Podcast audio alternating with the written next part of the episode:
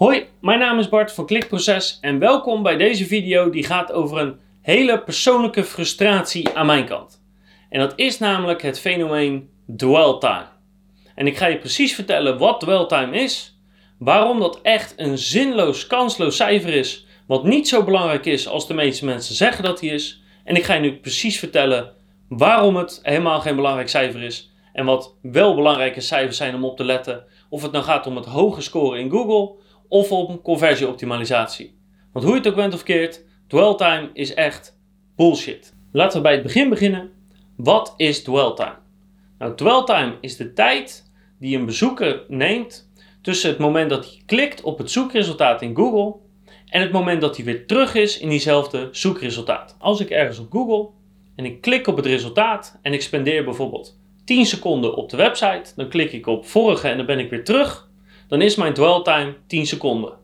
Maar klik ik op een resultaat, kom ik op de website terecht, spendeer ik 4 minuten op die pagina en dan ga ik vervolgens terug naar de resultaten, dan is mijn dwell time 4 minuten. Maar het kan nog gekker, want als ik op het resultaat klik en ik kom op een pagina en ik klik nog drie pagina's verder en ik spendeer wel 10 minuten op die website en dan klik ik weer terug naar Google, dan is mijn dwell time dus 10 minuten. En het is belangrijk dat je, dat je beseft dat dat dwell time is, want het wordt heel vaak verward met een aantal andere statistieken. Namelijk dat zijn statistieken die je terug kan vinden in Google Analytics. En dwell time kan je niet vinden in Google Analytics. En het wordt bijvoorbeeld verward met de time on site. Nou, dat is gewoon de tijd dat iemand spendeert op een website. Het wordt wel eens verward met de time on page. Nou, dat is de tijd dat iemand op een specifieke pagina zit. En het wordt vaak verward met je bounce rate. Maar je bounce rate is in feite het percentage mensen die op je pagina komt en vervolgens geen andere actie onderneemt dan dat hij weer je pagina verlaat. Dus dat zijn andere cijfers dan je dwell time. Je dwell time is specifiek wat ik je net heb verteld. Dus waarom gebruiken zoveel mensen dan het woord dwell time om aan te tonen dat iets beter is voor SEO of beter voor conversie? Nou, dat is omdat het eigenlijk best wel logisch klinkt in eerste instantie. Namelijk, als je een hoge dwell time hebt, dan betekent dat mensen op jouw resultaat hebben geklikt, dat ze lang op je pagina of op je site hebben gespendeerd voordat ze teruggingen. Ja, dan zijn ze toch meer tevreden met het resultaat. een, een pagina waar iemand 10 seconden verblijft, die doet het toch eigenlijk slechter dan een pagina waar je 4 minuten verblijft. En die doet het toch weer slechter als een pagina waar je 10 minuten verblijft. Dus als je het zo zegt, denk je ja dat klinkt eigenlijk wel logisch. Dus dat zal wel kloppen. En dan komt er ook nog bij dat een door veel mensen gerespecteerde SEO'er, namelijk Brian Dean, ehm, ook een stuk heeft gemaakt over dwell time en dat het zo werkt en dat dat een ranking factor in Google is. En daardoor nemen heel veel mensen dat klakkeloos over en denken ze ja, we gaan dwell time proberen te verkopen.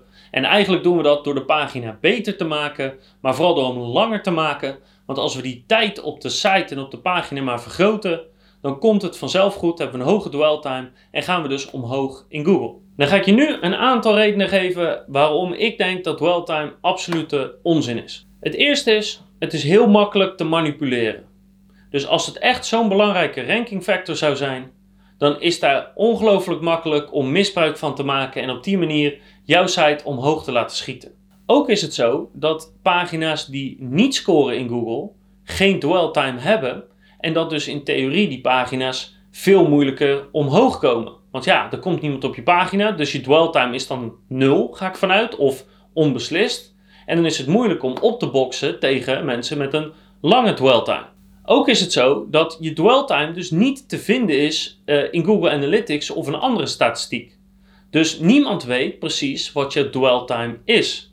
En dan worden dus maar vaak vervangende statistieken gebruikt, zoals je uh, time on page bijvoorbeeld, of je time on site. Alleen daar is ook weer een probleem mee. Namelijk dat Google heel slecht is in het meten van hoe lang iemand nou precies op je pagina zit en wat hij dan doet. Als iemand bijvoorbeeld jouw pagina opent en die heeft nog drie andere tabjes openstaan. En die zit gewoon op andere internetpagina's uh, iets anders te doen of misschien uh, concurrentenpagina's te bekijken. Ja, dan heeft hij ook jouw pagina openstaan in een tabje. Betekent dat dan dat jouw dwell time dus heel erg hoog is? Want ja, technisch gezien zit hij wel op je site. Ja, dat lijkt me niet, hè, want het heeft niks te maken met het bevredigen van de behoeften van de gebruiker. Hij, hij is helemaal niet op die pagina aanwezig. Google is heel slecht in het meten van de time on site. En zeker als je op de pagina komt en niet zoveel doet. Dus je klikt bijvoorbeeld één keer een video aan en dat is het. Of je scrolt wel, maar je klikt verder niks op. Dan is Analytics heel erg slecht in het meten van die specifieke tijd. Dus het enige wat Google dan zou moeten meten, hè, is het moment dat je naar een pagina gaat en het moment dat je terugkomt. Alleen daar hebben wij weer geen statistieken over. Dus we kunnen wel zeggen we optimaliseren voor dwell time. Maar we weten helemaal niet of dat ook daadwerkelijk zo is. Daar komt ook nog eens bij dat er geen enkele correlatie is tussen dwell time en omzet of winst. De cijfers die er echt toe doen. Dus je kan niet zeggen dat mensen die langer op je tijd zitten ook per se betere kopers zijn. Of dat ze meer kopen of iets in die strekking. En er zijn maar weinig bedrijven die dat überhaupt goed meten. En van de bedrijven die het goed meten heb ik nog nooit gehoord dat er echt een sterk verband is tussen de tijd die je op iemands site of pagina bent en de omzet die het genereert. Maar het aller, aller, allerbelangrijkste argument dat dwell time echt bullshit is, is dat de aanname is dat een hogere dwell time, hè, dat als mensen lang op je site zijn, dat dat beter is. En dat slaat helemaal nergens op. Want dat is zo verschillend afhankelijk van wat een bezoeker intikt en wat zijn doel is. Want in theorie betekent het, als iemand op jouw e-commerce resultaat komt, die vindt meteen wat hij zoekt, die klikt het aan, die koopt het, die rekent af en die komt nooit meer terug, dan zou dat dus slechter zijn dan iemand die op jouw site komt, niet kan vinden wat hij zoekt, twee minuten zit rond te klikken omdat hij het zoekt en niet kan vinden, terugklikt in Google, ja, die heeft dan een dwell time van een paar minuten. En bij jou ze hebben ze afgerekend, zijn ze nooit meer teruggekomen. Dus die heeft dan een onbekende dwell time of een lage dwell time. Daarnaast vereisen verschillende zoekwoorden verschillende soorten antwoorden en daarmee in theorie dus ook een verschillende dwell time. Want als ik namelijk zoek op de spelling van een woord, ja, dan wil ik dat gewoon even intikken in Google of ik wil even naar een woordenboekpagina gaan dus of ik wil de vervoeging opzoeken en binnen een paar seconden heb ik die gevonden en wil ik weer weggaan. Dus mijn intentie, mijn behoefte is helemaal bevredigd. Dus dat zou moeten betekenen dat voor sommige zoekopdrachten een lage dwell time goed is en voor andere zoekopdrachten een hoge dwell time.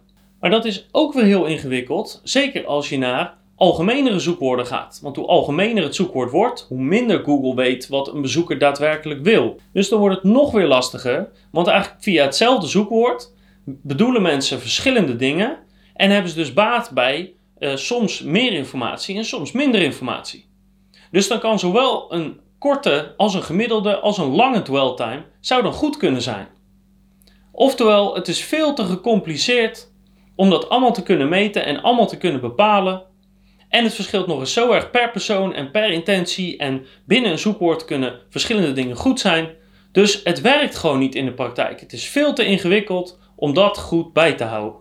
Dus de enige manier waarop ik denk dat dwell time een ranking factor zou kunnen zijn, is als Google een heel simpel basisprincipe toevoegt. En dat is namelijk dit. Als je googelt op een woord en je klikt op een resultaat en je komt niet meer terug in Google, dan zien ze dat als iets positiefs. Als je ergens op googelt, je klikt op het resultaat en na een bepaalde tijd keer je terug en klik je op het volgende resultaat, dan zien ze dat als iets negatiefs. Want blijkbaar heb je niet gevonden wat je zocht. Dat hoeft niet eens. Maar laten we even zeggen, dat is misschien een goede redenatie. En als je klikt op het resultaat, je gaat naar de pagina, je komt terug en je verandert je zoekopdracht, waarschijnlijk omdat je dus verder wil gaan, dan zien ze dat ook als iets positiefs. Dat is de enige manier waarop ik zou kunnen bedenken dat dwell time misschien meespeelt in de rankings. En van pogo sticking is het over het algemeen wel bekend dat het een factor is in de rankings. Dus als op het moment dat iemand klikt op het resultaat naar de pagina gaat, niet kan vinden wat hij zoekt, hij gaat weer terug, klikt het volgende resultaat aan, uh, gaat naar de pagina, vindt het weer niet, gaat weer terug, klikt het derde resultaat aan, gaat weer naar de pagina en dat hij zo heen en weer uh, hopt tussen het zoekresultaat en de pagina.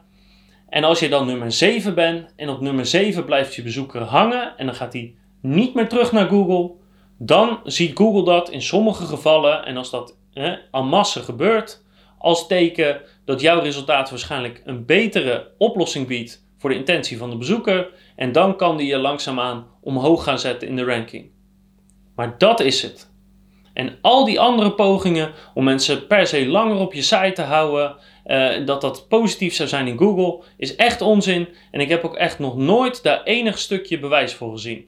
Kortom, vergeet dwell time alsjeblieft en denk gewoon na, wat wil de bezoeker hebben? Hoe kan ik hem het allerbeste antwoord geven? Hoe kan ik zijn intentie zo goed mogelijk bevredigen en voorzien van nuttige, relevante informatie, zodat hij belangrijke dingen doet. En dat zijn de belangrijke cijfers. Wordt die klant? Koopt hij überhaupt iets? Komt hij terug? Schrijft hij zich in voor mijn nieuwsbrief? de macro en de micro conversies die er te doen.